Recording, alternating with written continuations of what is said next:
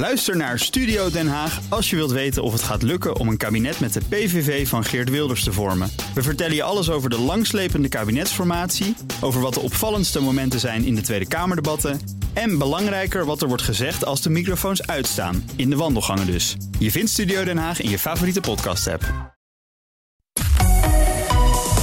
BNR Nieuwsradio. The Big Five.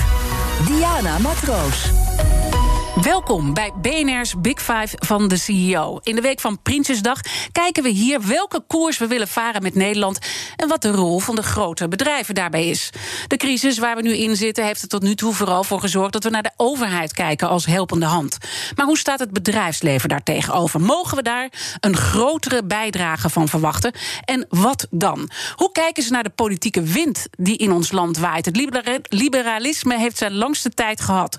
Of zijn de opgaven voor de bedrijven ook complex genoeg nu zij een schip moeten navigeren in crisistijd. Over deze zaken praat ik met de kopstukken van het Nederlandse bedrijfsleven. Eerder deze week sprak ik al met Marjan van Loon van Shell, Hans de Boer op zijn laatste dag als VNO-NCW-voorman. En gisteren was Albert Kastelein van havenbedrijf Rotterdam hier. Hij heeft grote energieambities, durft harde besluiten te nemen, realiseert dat er een kloof is, maar zegt: leg de schuld niet neer bij het bedrijfsleven. Alle gesprekken zijn terug te luisteren in de BNR-app. Vandaag iemand die een echte polderjongen wordt genoemd, speelt om te winnen.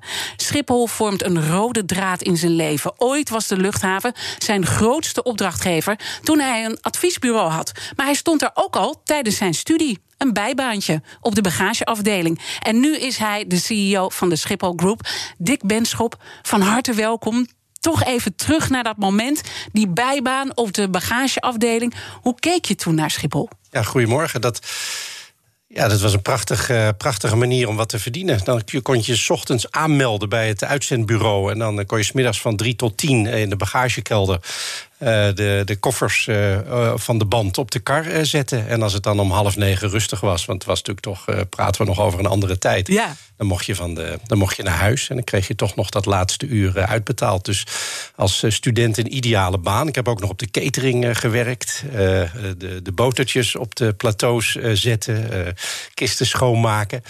En eigenlijk heb ik op Schiphol gewerkt voordat ik gevlogen heb. Want ik heb pas op mijn twintigste voor het eerst in een vliegtuig gezeten. Kijk. Daarvoor had ik er al gewerkt. Dat is toch ook weer andere tijden. Hè? Dat kwam bij ons in, in mijn, mijn familie. kwam vliegen eigenlijk niet voor. Je ging nee, ik kan dat moment ook naar nog eh, Zwitserland of naar Frankrijk op vakantie. Ja. En dat was het, uh, dat was het buitenland. Ja. En, uh, dus dat, uh, ja, dat was wel grappig. Want dan uh, kom nog wel eens terug in, in gesprekken ook. En plekken die je nog herkent natuurlijk. En als je beneden bent in de bagagekelder, ja, daar heb ik gewerkt. En dan is er natuurlijk altijd een bepaalde nostalgie als het gaat om Schiphol. Zeker vroeger in die tijd, maar ik denk nu nog steeds. Hè. Het is ook een trots die we met z'n allen delen. Wat is jouw gevoel bij Schiphol als je dat toen al had op die bagageafdeling wellicht? En nu? Ja, ik heb het ook heel erg gekregen in de jaren negentig. Toen heb ik er vier jaar inderdaad als adviseur gewerkt. En dat gaat heel veel mensen zo als je in de luchtvaart actief bent, dat gaat, uh, dat gaat in je zitten. Daar word je door geraakt. En daarna ben ik ook als, als veelvlieger, als staatssecretaris en in andere banen. Uh, ben ik eigenlijk altijd blijven kijken naar, naar, Ja. naar luchtvaartmaatschappijen, zelfs ook naar luchthavens. Uh, dat, dat is me bijgebleven. Dat heeft gewoon iets, Maar iets wat is dat fascinerends. gevoel? Wat, wat kan je dat... Het is toch die, vangen? dat, dat, dat internationale, op pad gaan, de vrijheid, eh, het luik naar de wereld. eh, van daaruit ja, de ervaringen die daar dan weer achter zitten. Als je op, als je op reis bent geweest of op vakantie of voor je werk op pad bent geweest. Ja, dat is de plek.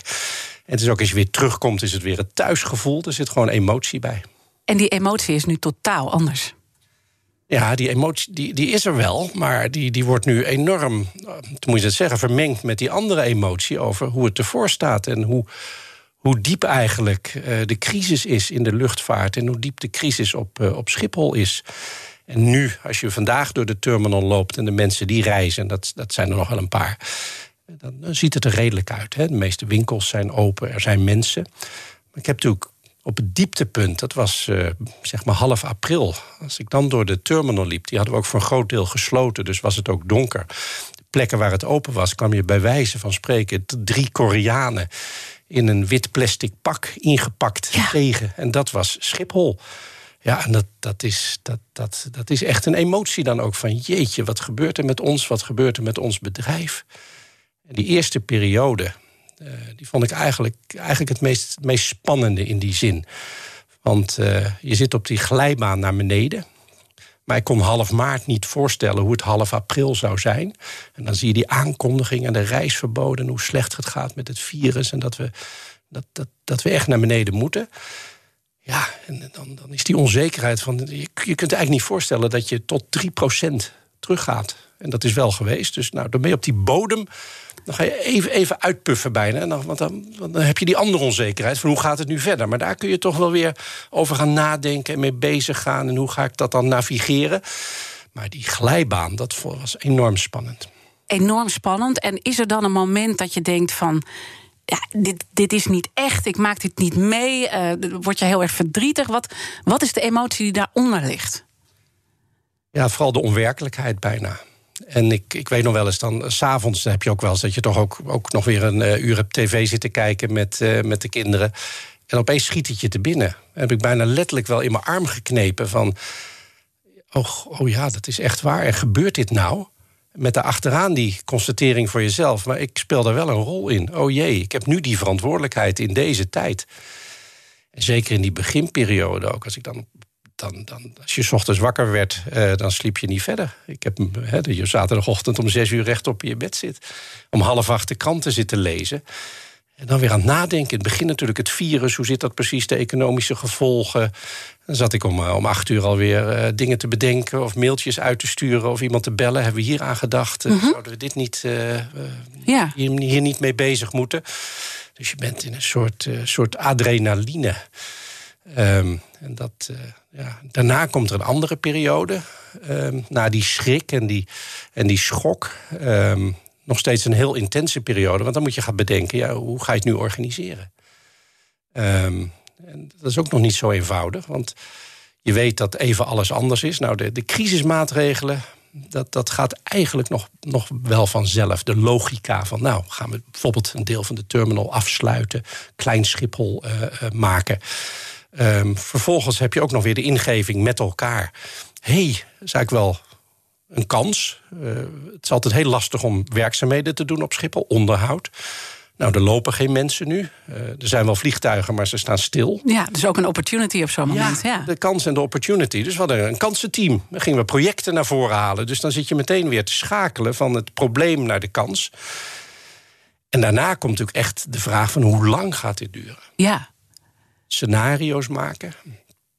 Een van de dingen die ik vrij snel gezegd heb is... Eh, ik denk dat het lang zal duren. Dus laten we ons daarop instellen. En dat we eigenlijk ook niet weten hoe het herstel precies zal gaan verlopen. En uh, het is grappig, je doet dat bijna intuïtief op zo'n moment... maar wel vanuit een soort, ja, een soort, soort overtuiging van... ja, dat soort kwetsbaarheid en openheid is van groot belang. Anders ga niet pretenderen wat je niet weet mensen kijken ook wel naar je, ook in het bedrijf. Dus heb ik toch maar gezegd, ja, we weten het niet. Maar we gaan wel scenario's maken. Binnen die scenario's gaan we dan keuzes maken... op grond waarvan we weer aan gaan passen. Wat moet er gebeuren met onze investeringen? Wat moet er gebeuren met de organisatie? Um, nou, en, en, dan ga je eerst 2020 doen. Wat, is, wat moet nou meteen? En uh, ja, net zoals elk bedrijf, uh, sturen op cash. Hè. Ja. Dat is, uh, cash is king op zo'n moment. Snijden in de kosten. Dus welke kosten kunnen we nu besparen? Nou, en dan zit je nu inmiddels in de fase dat je zegt de structurele kostenbesparing. Ook omdat het echt nog een paar jaar gaat duren. En zo ga je dat weer. Uh, uh, dat weer die. Het is ook wel een intens moment natuurlijk. Dat je zegt van wat doen we nu eerst? Wat doen we daarna? de investeringen, de uitgaven. 20 het is heel moeilijk op welk knopje als eerste moet drukken natuurlijk. Ja, ja de, de, in het begin is, is het uiteindelijk helder, wel een logica natuurlijk. En die Ja. vind je dan wel van uh, gewoon uh, Ja. eerst, eerst 2020. Ja. Maar ook dat bes- besluiten met elkaar van ja, maar ook even je adem inhouden. Gaan we dus niet meteen het jaar erop doen of de volgende twee jaar. Dat doen we een paar maanden later. Hebben we inmiddels allemaal gedaan. Maar je, moet, je kan ook niet alles tegelijk. Maak Nee. je ook weer iedereen gek. Terwijl je ook wel weet dat er iets moet gebeuren. Dus dat was ook, ook echt een, een periode waarin je, nou ja, ook, ook mijn eigen rol dan, zit je echt best, best wel over na te denken. Hoe doe ik dat nu? Hoe doen wij dat nu? Denk je ook wel, ben ik de juiste man? Gaat het zo ver, die gedachte? Nee, je hebt wel, wel, ben me wel veel meer gaan testen weer. Ehm, dus met de raad van commissarissen andere gesprekken voeren, je voorzitter opbellen. Ehm, ik las ook wel weer dingen van uh, de consultancies, de McKinsey's van deze wereld, die schrijven natuurlijk ook. Hoe pak je deze crisis aan? Dus lezen. Uh, praten met uh, collega's van andere luchthavens. wat, wat doen jullie? Eh, praten ook wel met adviseurs. Ja, niemand inhuren, want daar heb je het geld niet voor. Maar wel, toch zijn altijd mensen die bereid zijn om daar met je mee te Je hebt een goed netwerk natuurlijk. Ja, ja en dat, dat toch weer even in, ook in die leerstand vooral. En wat is dan het, het aspect dat je het meeste leert nu in deze periode? Met, met al die gesprekken die je voert? Ik denk toch de, de combinatie van de, de, de, de kwetsbaarheid, dat heeft, uh, heeft een heel ontwapenend effect eigenlijk gehad, ook in het, in het bedrijf. En, en mensen kunnen zich dat ook heel goed voorstellen. Dus ga niet, ga niet spelen dat je het weet. Als je het niet weet, zeg dat gewoon. Ik denk dat dat een hele belangrijke is geweest, ook om met iedereen in het bedrijf te zeggen: we moeten het samen doen. Ik weet het ook niet, maar ik denk dat dit verstandig is en we gaan het in die volgorde doen.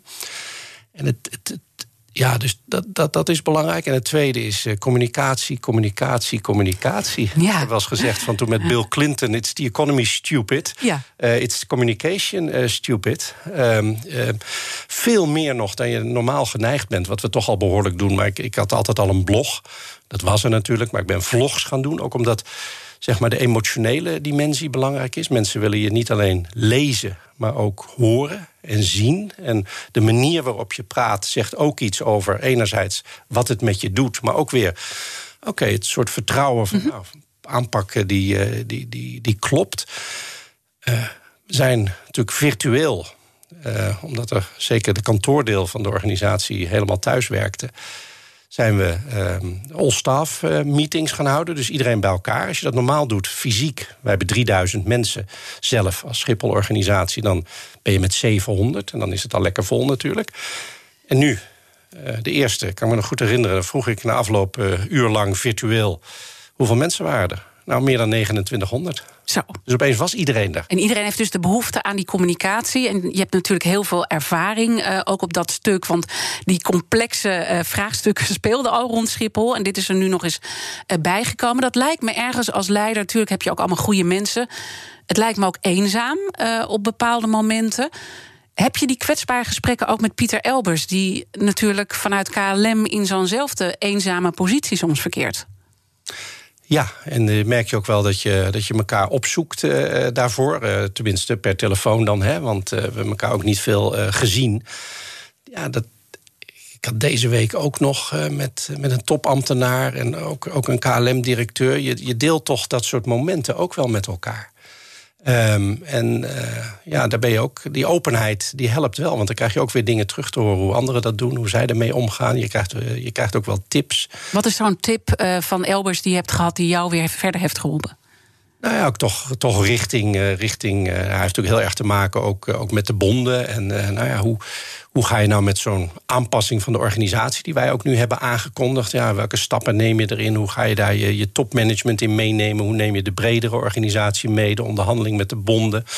Ja, dus dat, dat helpt wel dat je het daar ja. met anderen over kan hebben. Want ja, dus je, wat ik geleerd heb, die kwetsbaarheid. Hè, als je het niet weet, dan weet je het niet. En dan zeg je dat. Uh, de, de communicatie, meer, meer dan je ooit gedaan hebt. Om iedereen mee te nemen, want dat is nodig. Um, en ook wel het gevoel. Je bent natuurlijk altijd in een organisatie, dus zeker in luchtvaart, dat is emotie. Hè, maar er zit, elke organisatie zit gevoel. Maar nu nog veel meer, want het is ontreddering, uh, het is spanning, het is onzekerheid. Um, en er wordt ingegrepen. Ook ja. bij ons. Dus de, wij worden kleiner, er worden, gaan mensen uit. Daar zullen hoogstwaarschijnlijk ook ontslagen uh, bij uh, vallen. Betekent een heel ander perspectief voor een heel aantal mensen dan ze hadden. En wat voel je daarbij? Want ik zit dan eventjes. Je, je, je, je hebt dingen met het bestuur dan besproken en afgekaart. Dus dan weet je, dit gaat de boodschap worden. En dan stap je, stel ik me zo voor, in die auto met chauffeur. En dan moet je naar het personeel toe. Precies dat punt. Dat, dat, ik, ik weet reuze goed. Het was op een uh, maandagochtend dat we het uh, echt uh, bekend gingen maken. Eerst aan de directeur om wie het ging. En vervolgens ook weer met zo'n virtuele all-staff meeting aan het hele bedrijf. ik weet nog dat ik opstond en precies die overgang markeerde van... hé, hey, we hebben het erover nagedacht, we hebben een plan gemaakt... we hebben het besproken, zelfs besloten... maar nu ga ik het vertellen vandaag. En als je het vertelt, dan gaat het gebeuren. Dan, is het, dan, komt het, dan wordt het reëel. En dan wordt het dus ook voor mensen persoonlijk. Dan gaan we een nieuwe fase in. En het probleem is natuurlijk altijd, je grijpt in omdat de omstandigheden zo zijn. We zitten in een crisis. Je weet dat je het moet doen. Je weet dat je het moet doen. En, maar je weet ook, en daar zit ook het gevoel... dat je dus mensen op de arbeidsmarkt zet... die dat niet van plan waren... en die dat doen in moeilijke omstandigheden. En daar ga je altijd weer bij helpen. Nou, volgens ook weer uh, dat gevoel uitspreken. Dus ik heb het zowel in, mijn, uh, in, in, in de gesprekken als ook in, uh, in wat ik dan schrijf... ook over het hoofd en het hart gehad. Dat je zo'n operatie met je hoofd doet. Wat is verstandig, wat is nodig? Maar ook met het hart, met gevoel voor mensen... met gevoel voor de belangen van mensen. En vond ik wel heel mooi om te zien dat dan eigenlijk waren de reacties tot nu toe daar heel positief over. Want iedereen weet dat er iets moet gebeuren. Mm Grote betrokkenheid bij het bedrijf. Dus dat moet ook, want anders, anders dat kan helemaal niet zo verder. We moeten iets doen. Um, en tegelijk wordt er ook gewaardeerd uh, dat je het dan ook over dat gevoel hebt en de zorg dus, voor mensen. Dus die kwetsbaarheid is op dat punt dus ook heel erg uh, belangrijk. Met welk, wat voor gevoel rij jij persoonlijk dan naar huis uiteindelijk? Ja, het gekke is dat je in een crisis dus ook momenten van tevredenheid kunt hebben. Die hebben erg mee te maken met de feedback die je krijgt. Van als ik terughoor van de ondernemingsraad. Of, of ik, ben, ik ben op pad in het bedrijf en ik loop rond. En er komt iemand naar me toe en die zegt: Ik wou je toch even zeggen dat. Ik heb het, ik heb het gehoord en ik, ik begrijp het. En we hebben het erover. En het is best onzeker. Maar fijn hoe je het hebt uitgelegd. En uh, hoe dat tot nu toe gaat. Ja, dat vind ik geweldig. En ook ja, de, het samen doen. Doe het samen. We hebben natuurlijk een, een, directie van vier leden. We hebben een set van directeuren. Het samen, zeg maar, de, de, de, de nood kraken. Hoe gaan we het nou doen? Ook de verantwoordelijkheid nemen. Ook het gevoel doorleven. Ja, dat als, het, als het echt samen is en als je die feedback krijgt... dan zijn er momenten dat je denkt van nou, zijn, Toch we, mooi. zijn we goed bezig. Ja. Ja. Dus, dus, dus banden worden misschien ook beter, relaties worden ook beter. Is, is, is KLM en, zijn KLM en Schiphol ook dichter naar elkaar toe gegroeid? Nou, ik heb het ook met anderen hoor. Ik praat ook niet alleen met de, met de KLM. Nee. We, hebben, we hebben EasyJet als grote klant en andere, andere luchtvaartmaatschappijen. En ja, je, het wordt op prijs gesteld. Zeg maar, wij doen ook wel dingen natuurlijk. Uh, zowel voor onze huurders als voor onze luchtvaartmaatschappijen. Om ze, om ze ook weer te helpen. Naast wat de overheid doet. Hè, dat is echt heel belangrijk. Ja. Dus dat wordt, uh, wordt gewaardeerd. En uh, ja, het is, het is eigenlijk wel eh, persoonlijker geworden voor iedereen. En dus de relaties, die denk ook met partners, maar ook duidelijk in het bedrijf en in het topteam, die worden eigenlijk eerder die worden beter. En, en dat, helpt dat, is al een voor eerst... de business? Helpt dat voor, ja, is dat, is dat want goed? dat helpt, ja. helpt om, om zeg maar, het verhaal waarmee en de, het, het, samenspel waarmee we dingen nu doen. Maar dat is ook de belofte naar de toekomst weer. Want als je natuurlijk, hè, je ja. weliswaar met een aangepast team, hè, dat geldt ook op directeurenniveau kom je er toch als team zo meteen ook weer sterker uit. En dat willen we op alle vlakken. Niet alleen van hoe we werken, mm -hmm. de organisatie. Want ik zeg bezuinigen, maar we doen ook verbeteren. Ja. Er zijn natuurlijk altijd inefficiencies in een organisatie.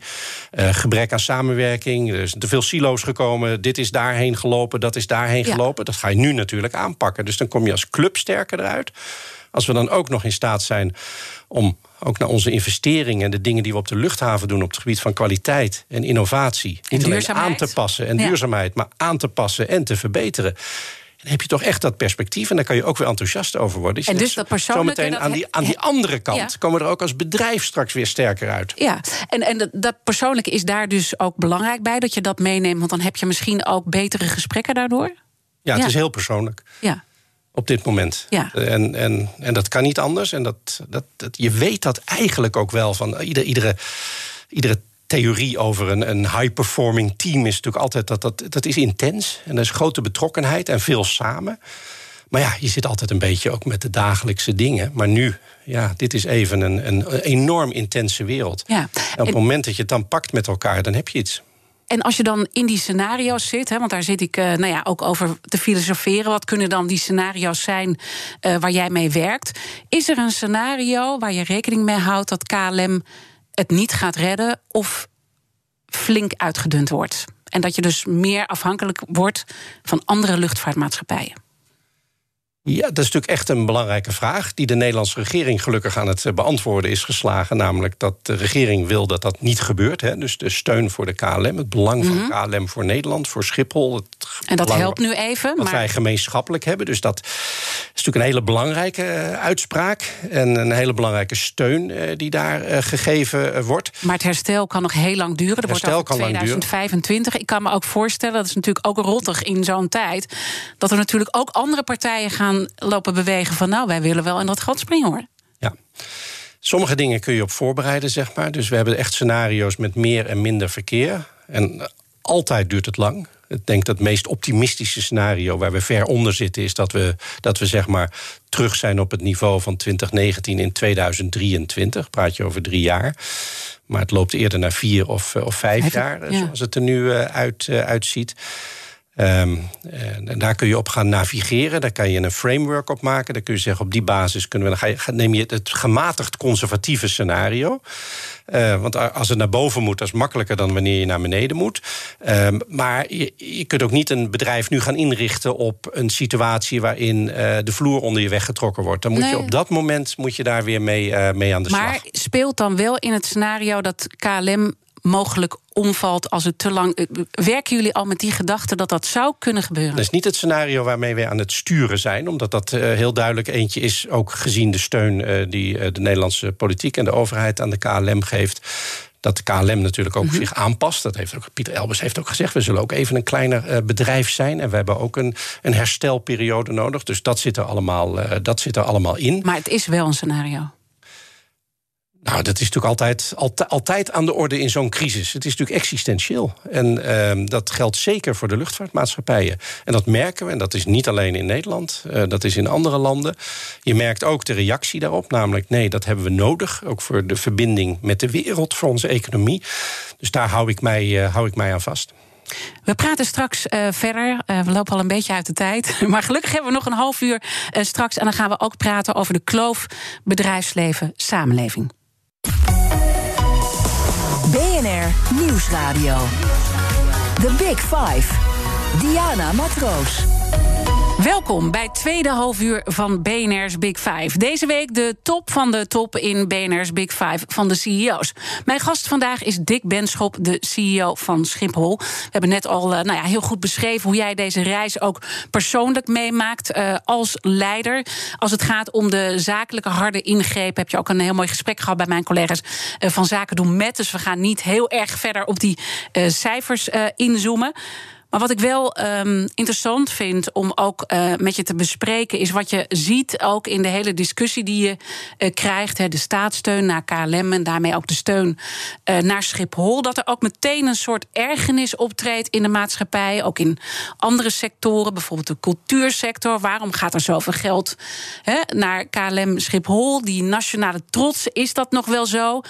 Dat hebben we natuurlijk al ook voor corona, was die discussie er al. Hè, van mainport naar brainport. Wat is nou economisch gezien belangrijk? Ergert die discussie jou?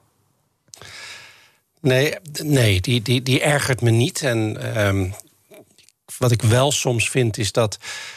Je kunt natuurlijk opvattingen hebben, en die zijn er maatschappelijk over de groei van luchtvaart en de rol van luchtvaart en hoe we, hoe we de klimaatbeleid uh, vormgeven. Uh, zijn er wel eens mensen die dan proberen zeg maar, het economisch belang te minimaliseren alsof het er niet is. Nou, dat, dat lijkt me zeer onterecht. Maar de echte vraag is natuurlijk altijd, en daar moet iedereen aan meedoen, wat is de juiste afweging? En de evenwicht van belangen en de balans. Nou, er zijn best dingen uit balans geraakt de afgelopen jaren, ook in de omgeving van Schiphol, met de omgeving. Te snelle groei uh, gehad een aantal jaren. Dus.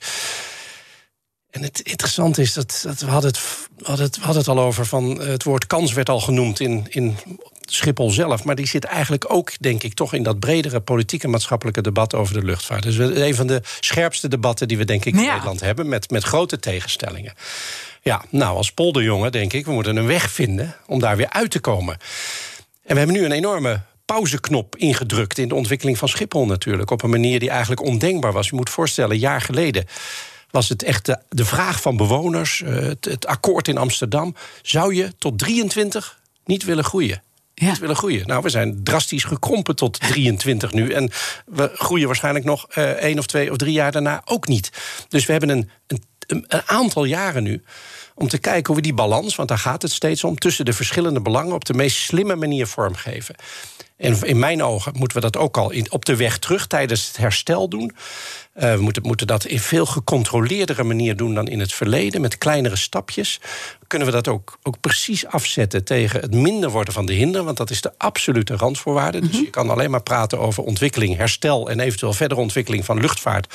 Als dat gepaard gaat met minder hinder voor de omgeving. En dat moet aantoonbaar zijn. Mhm. Dat is een voorwaarde. Merk je dat nu al? En met grote omwonenden... stappen op het gebied van de duurzaamheid. Ja. En merk je al dat die omwonenden zeggen: uh, we ervaren nu minder hinder? Ik bedoel, je hebt altijd die gesprekken. En volgens mij had je gisteren ook weer een eh, bijeenkomst. In ja, ik was bij de gemeenteraad van uh, Uithoren uh, gisteren. Uithoren, ja. Op, op, net op anderhalve meter afstand. Maar dat kon vormgegeven worden over, over natuurlijk de, de hinder. Want we hebben een plan voor, voor minder hinder. En daar zijn we met de omgeving over in gesprek. Dat, er is natuurlijk altijd nog heel veel kritiek en vragen, maar het wordt enorm gewaardeerd. Ze zien de inspanning, zien ook de bedoeling, zien ook hoe we bezig zijn. Dus dat was, was ook weer bemoedigend om, om, om te merken. Maar ja, we zitten natuurlijk in een hele gekke situatie nu, maar dat zal je overal hebben. De weldadigheid, even van de rust. Hè. Het was natuurlijk heel dubbel. Ja. Uh, we zaten in de crisis, maar het was wel heel rustig. En een hele bijzondere tijd eigenlijk ook, maart, april, mei. Um, en, en, nu gaat er toch weer meer gevlogen worden. Het vlakt wel weer af hoor, want er zit helemaal niet zoveel groei in, wat ook een probleem is. En dat heeft weer te maken met die testen en alles. Maar um, we gaan dus wel weer van de situatie dat er bijna niet gevlogen werd naar meer. Dus dat betekent toch dat, dat denk ik, de, de gevoeligheid van mensen voor het lawaai eerder groter is de komende tijd dan, uh, dan minder. Ook al omdat ze een lange periode, mm dus niet zomaar een weekend. Dus daar hou je rekening mee dat daar meer klachten gaan komen. Absoluut. En wat we dan doen, hè, dat is weer onze, onze belofte, is dat we hebben gezegd: we willen compleet transparant zijn, we willen zo voorspelbaar mogelijk zijn. Dus we hebben nu samen met de luchtverkeersleiding een factsheet die elke week gepubliceerd wordt en die je in het Witte Weekblad op dat niveau kan lezen.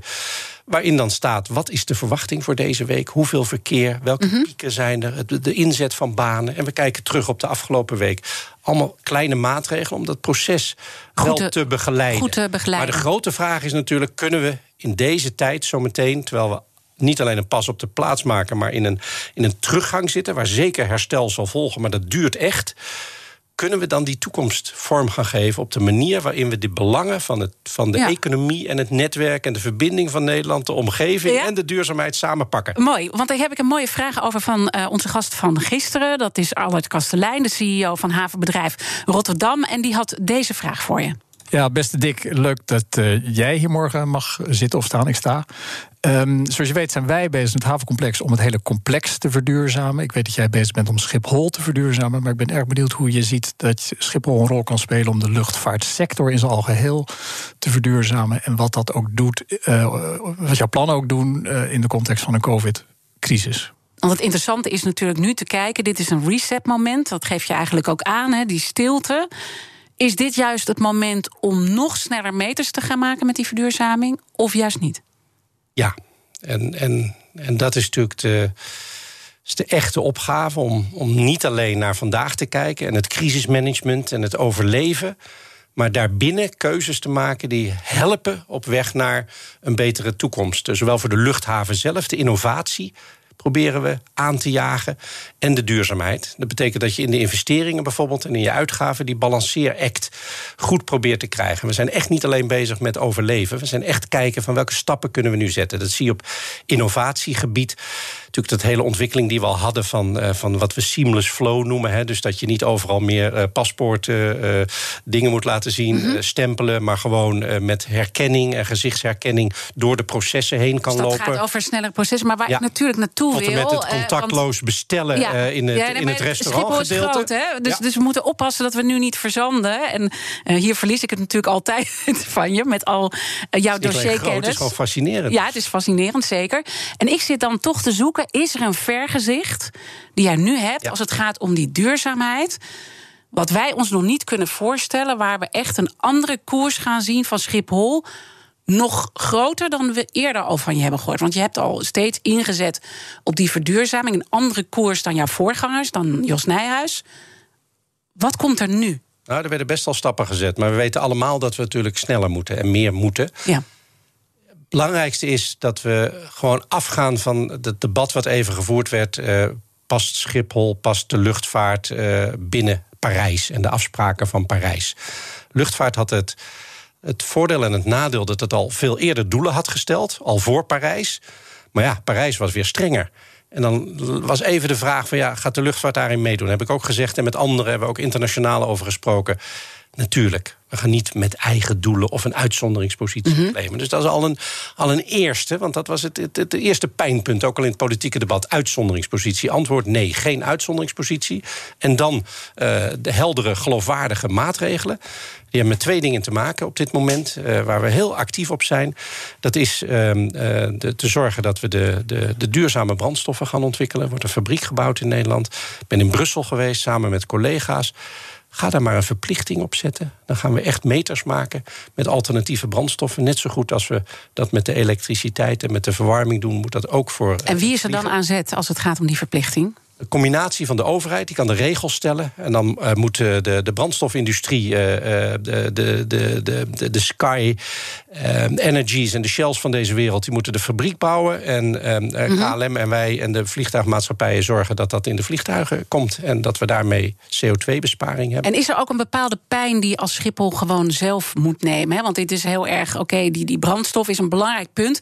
Maar moet je ook gewoon in, in hoe de hele luchtvaart is ingericht, moet je daar echt ook een andere weg gaan inslaan om uiteindelijk te kunnen overleven? Ja, absoluut. Want dit is denk ik de lange termijn, de absolute randvoorwaarde. Ja, maar welke pijn moet je dan nu nemen? Nou, de investeringen moet je doen. Ja. En daar dus geld voor besteden, geld aanbesteden. Dat geldt bij onszelf. Als wij een nieuwe pier maken, daar komt geen gas meer in, daar komen zonnepanelen op. Mm interessanterwijs natuurlijk een deel van die energietransitie betaalt zichzelf ook wel terug, een deel niet. Het is natuurlijk ook zo dat de pijn. Maar niet, niet, niet dus gedachten als minder vliegen, minder toeristische vluchten, uh, minder uh, Schiphol gebruiken als een soort overstapplek. Want heel veel wordt minder natuurlijk. vliegen op korte afstanden. Ja, ja, dat is denk ik de belangrijkste. En dan de trein. En de hoge snelheidslijn, absoluut. Uh, breng hem elk uur langs bij mij naar Londen. En niet twee keer, drie keer per dag, terwijl die niet stopt. Kom op. Ja, dus, maar dan uh, moet, meer, moeten dus weer andere stappen zetten. Ja. Moet, moet absoluut uh, gebeuren, bijvoorbeeld. En dan, dan kunnen we en hoeven we veel minder te vliegen op korte afstanden. Dan, dan doen we datgene wat echt nodig is, waar je Schiphol voor hebt. Die hub, he, die verbinding met de grote wereld. Dus dus we, zullen ook, we zullen ook in de prijzen voor het vliegen de pijn zichtbaar moeten maken. En dat zal ook zeker gaan gebeuren. Prijzen fors omhoog? Omdat je bijvoorbeeld die brandstoffen verplicht gaan stelt. En die zijn natuurlijk drie tot zes keer duurder dan de normale kerosine. Dat komt in de prijs tot uitdrukking. En dat is ook prima. Prijzen moeten reflecteren wat de echte kosten zijn, inclusief de milieukosten. Dus en uh, die kant moeten we op. Maar eerlijk gezegd, uh, die HZL'en die worden niet heel hard aangelegd in Nederland. Nee. Dus daar moet ook ehm, wel een stap En er wordt ook met dat prijsbeleid een beetje gefreubeld. Want dan doen we wel een ticketax. Uh, maar dat is natuurlijk niet het echte ding. Het echte ding is zorgen dat je alternatieve brandstoffen hebt. En dat daarvoor betaald wordt. En een CO2-prijs. Thomas. BNR Nieuwsradio. The Big Five. Diana Matroos. Je luistert naar BNR's Big Five van de CEO's. Mijn gast is Dick Benschop, de CEO van Schiphol. Ja, we komen bij de politiek aan en daar heb je natuurlijk... De verkiezingen helemaal gemist. Ja. Want daar gaan we natuurlijk een beetje langzaam uh, naartoe uh, bewegen. En dat merk je aan uh, alles. We zien allerlei partijen een, een, andere kant op bewegen. En eigenlijk is de kern, de tagline, einde van het liberalisme. En dat gaat de markt voelen en dat gaan de bedrijven voelen. Hoe kijk je daarnaar? Ja, ik, ik, ik denk eigenlijk, uh, we komen uit de situatie van de afgelopen jaren dat je zegt van nou, de kloof hè, tussen uh, politiek en bedrijfsleven was best aan het uh, groeien. Nog meer denk ik dan tussen bedrijfsleven en samenleving. Hè, want we werken allemaal in bedrijven en we kopen producten en we hebben daar een band mee. Maar zeg maar, de liefde tussen politiek en bedrijfsleven die was wel dramatisch aan het, aan het bekoelen. Ehm, dat is niet verstandig, denk ik. Ik denk dat de crisis helpt in dat opzicht. Uh, eigenlijk is het thema economie weer terug. Hè. Dat was natuurlijk een beetje weg, want de bomen groeiden tot in de hemel. Volledige werkgelegenheid. Hoezo economie? Hoezo werkgelegenheid? Nou, uh, reken maar vandaag. Economie, werkgelegenheid, baanzekerheid, inkomenszekerheid. Dus die vraagstukken zijn weer terug. Dat helpt, want het is duidelijk dat dat natuurlijk door het bedrijfsleven... met alle steun die de overheid nu geeft... uiteindelijk zal het bedrijfsleven weer op gang moeten komen... om daarvoor mm -hmm. te zorgen. Uh, dus ik, ik denk dat dat helpt. Ik, ik zag ook al onderzoek van het Sociaal en Cultureel Planbureau dat het vertrouwen in volle breedte, zowel voor politiek als ook voor bedrijfsleven weer aan het, uh, aan het toenemen was. Dat verbaast me niet helemaal, want in zo'n crisisperiode dan ga je toch weer terug naar de fundamentals. Hè, dan weet je weer wat, wat, waar het echt, om, uh, echt ook om gaat. Dus daar zie ik wel, een, uh, daar zie ik wel iets komen. Ehm, ik denk dat ja, mijn, mijn ideale ehm, politieke programma, als ik het zo mag zeggen, die, heeft, die, die gaat op drie, die doet drie dingen tegelijk. Daar zit het economische kant aan. En met name de innovatie en het verdienvermogen van Nederland. Investeren daarin. Mhm. Nou, dan zie je ook de aanzetten met dat groeifonds. Eh, je ziet ook de oppositie heeft het over investeringsplannen. Hartstikke goed. Het tweede is natuurlijk toch de sociale kant. Ehm, er is heel veel, uh, niet alleen nu onzekerheid door de crisis, maar er was ook al flexibilisering van de arbeidsmarkt, eh, pensioenonzekerheid. Dus die, zeg maar die hele vraag, wat, wat, wat je denkt wel het sociaal contract van Nederland kan noemen, die moet aangesproken worden. En het derde, de, de verduurzaming. Nou, wat ik heel veel zie is partijen die twee van de drie hebben. Dus die hebben dus wel verduurzaming en sociaal met een kosten van de economie, of economie en uh, verduurzaming, maar niet sociaal. Ik denk dat de kunst zal zijn, en nou, dat is voor elke partij, maar ook voor de coalitie zometeen, dat je aantoonbaar op de economie, op de sociale kant van Nederland en op de duurzaamheidskant eh, vooruitgang gaat maken. En daar tegelijk op gaat sturen en niet ten koste van elkaar. Mhm. En moeten wij vanuit het bedrijfsleven daar natuurlijk ook aan bijdragen. Dus wij moeten ook breed, wij moeten ook eh, inclusief denken. En niet alleen maar eigen belang en niet alleen maar aandeelhouders. Want, want is dat, is, is dat hè, want dat zit er natuurlijk uh, onderliggend. Uh, Herman Cenk Willink, minister van Staat, is hier ook te gast geweest. En ik heb met hem toen gesproken over de uitholling van de publieke sector. En dat we moeten stoppen met het marktdenken. Dat is, zijn natuurlijk geen lekkere berichten, misschien voor het bedrijfsleven. Maar vind jij wel dat hij gelijk heeft? Ja, is het altijd uh, weer zeggen dat er nieuwe evenwichten gevonden moeten worden? Absoluut. En daarom noem ik ook dat drietal. Van, mm -hmm. uh, we hebben niet alleen een economische opgave, we hebben een sociale opgave, we hebben een, een duurzaamheidsopgave. Uh, en je ziet natuurlijk dingen gebeuren. Kijk, als, als ik een van de dingen waar ik nu echt naar kijk, ook naar Den Haag, is die ontwikkeling rond dat testen. in de coronatijden. Die testcapaciteit is er niet. Er zijn al maanden mee bezig. En dan wordt het weer onderschat, of dan lukt er weer iets niet, of dan is dat gedeelte weer niet op orde vind ik echt. Terwijl we het hartstikke hard nodig hebben. Want voor de, het concertgebouw, uh, voor het restaurant, uh, voor de toerismesector, voor de luchtvaart is de huidige situatie niet het nieuwe normaal. Dus daar moet de, de overheid meer de regie gaan nemen. Hè? Dat is, dat is, en ook dat is de uitvoeringskracht. Maar als we dan toch even naar dat bedrijfsleven kijken, want dat is in alle gesprekken ook deze week uh, ook nou ja, goed aan de orde geweest. Is de kloof nou wel of niet groter geworden? Wat is de rol van het bedrijfsleven daarin? Ik weet dat er ook tal van projecten zijn die het bedrijfsleven oppakt, dat brugproject. Wat, wat zou je nou kunnen doen? Om dat vertrouwen weer terug te krijgen. Want het vertrouwen, hoe dan ook, wie nou de schuld is van wat, uh, soms doet dat er ook niet meer toe. Uh, hoe win je dat vertrouwen weer terug? Je hebt daar veel ervaring mee, ook met uh, Schiphol. Het geschiphold voelen, dat heeft ook met wantrouwen te maken. Ja. Eerst hoe erkennen, jullie dat erkennen dat het er is. Ook hier weer, hè? Ja? Openheid. Is het, is, is het een probleem? Is ja, het groter ook, geworden? Ik ben ook naar de omgeving van Schiphol gegaan toen ik begon. En ik zei, er is wantrouwen. Ja. En, dus, en ik zeg, het probleem is dus niet dat jullie de cijfers niet begrijpen... of dat wij de MER verkeerd hebben opgesteld. Uh, dat is allemaal techniek. Het is echt een kwestie van vertrouwen. En dat heeft te maken met een relatie. Dus uh, we gaan praten. En ik kom luisteren in eerste instantie. En dan ga ik ook dingen doen. Ja. Uh, nou, dat geldt in bredere zin natuurlijk ook. Je moet eerst wel erkennen waar het probleem ligt. En vervolgens denk ik ook vanuit het bedrijfsleven... dat bedrijfsleven zich dus, dus ook verbindend en inclusief moet opstellen... Uh, naar de samenleving toe. Erkennen dat de rol die wij hebben, de verantwoordelijkheid die we hebben, een brede is. Nou, dat is voor mijn bedrijf, vind ik, een, een hele duidelijke. Maar dat was het ook niet altijd. Hè. Er wordt toch ook vaak gekeken. En ook als ik gisteravond in de gemeenteraad vanuit hoor... ja, u heeft toch vooral een bedrijfsbelang van zoveel mogelijk groei. Het komt elke keer weer terug. Ja, antwoord is nee. Um, als Schiphol. En we zijn als elk bedrijf natuurlijk met onze purpose bezig, zoals je dat dan uh, chic, uh, chic noemt. Wat is onze bedoeling? Wat is onze reden van bestaan? Waar zijn we voor? Waar zijn we van? Ja, wij dienen een publiek belang. Niet alleen omdat we een publieke aandeelhouder hebben. De Nederlandse staat is aandeelhouder, maar ook mm maar wat, onze rol, wat, wat, die is een publiek. en dan moet je, concreet, dat... wat, uh, dus je moet dat erkennen. Eén, uh, we zien meer CEO's, nou in ieder geval deze week hier bij BNR. Hè, dus die, die dat gesprek ook hier aangaan. We zien ze ook in de talkshows. Maar de vraag is, is dat voldoende? Wat kunnen ze nog meer concreet doen om hier een stap verder in te komen? Nou, laten zien wat je dan op grond daarvan gaat doen. Hè, behalve dat je dan een, iets geformuleerd hebt of iets vindt. Ehm, op Schiphol bijvoorbeeld, belang van de omgeving komt nu terug in ja, de, de, de top uh, performance indicatoren die we hebben. Daar zit de omgeving in. En uh, we zijn natuurlijk een bedrijf wat niet veel variabele beloning heeft, maar wel een beetje. En uh, mijn medewerkers en ikzelf worden mede betaald op grond wat de omgeving van ons vindt. Mm -hmm. Ja, dan begin je toch wel dingen naar binnen te brengen in het bedrijf. Als ik dat, toen ik dat voor het eerst vertelde aan mensen, zaten ze me echt een beetje aan te kijken. Oh, het is dus echt serieus. Ja, ja. het is echt serieus. Dus dat zijn stappen die je, die dan je kunt moet zetten. je de programma's maken ja. over dat minder hinder. Moet je die grote stappen op dat gebied van duurzaamheid gaan zetten. En wat je vooral moet doen, is er ook over praten. Niet in de zin van het verkopen, maar heel reëel over praten.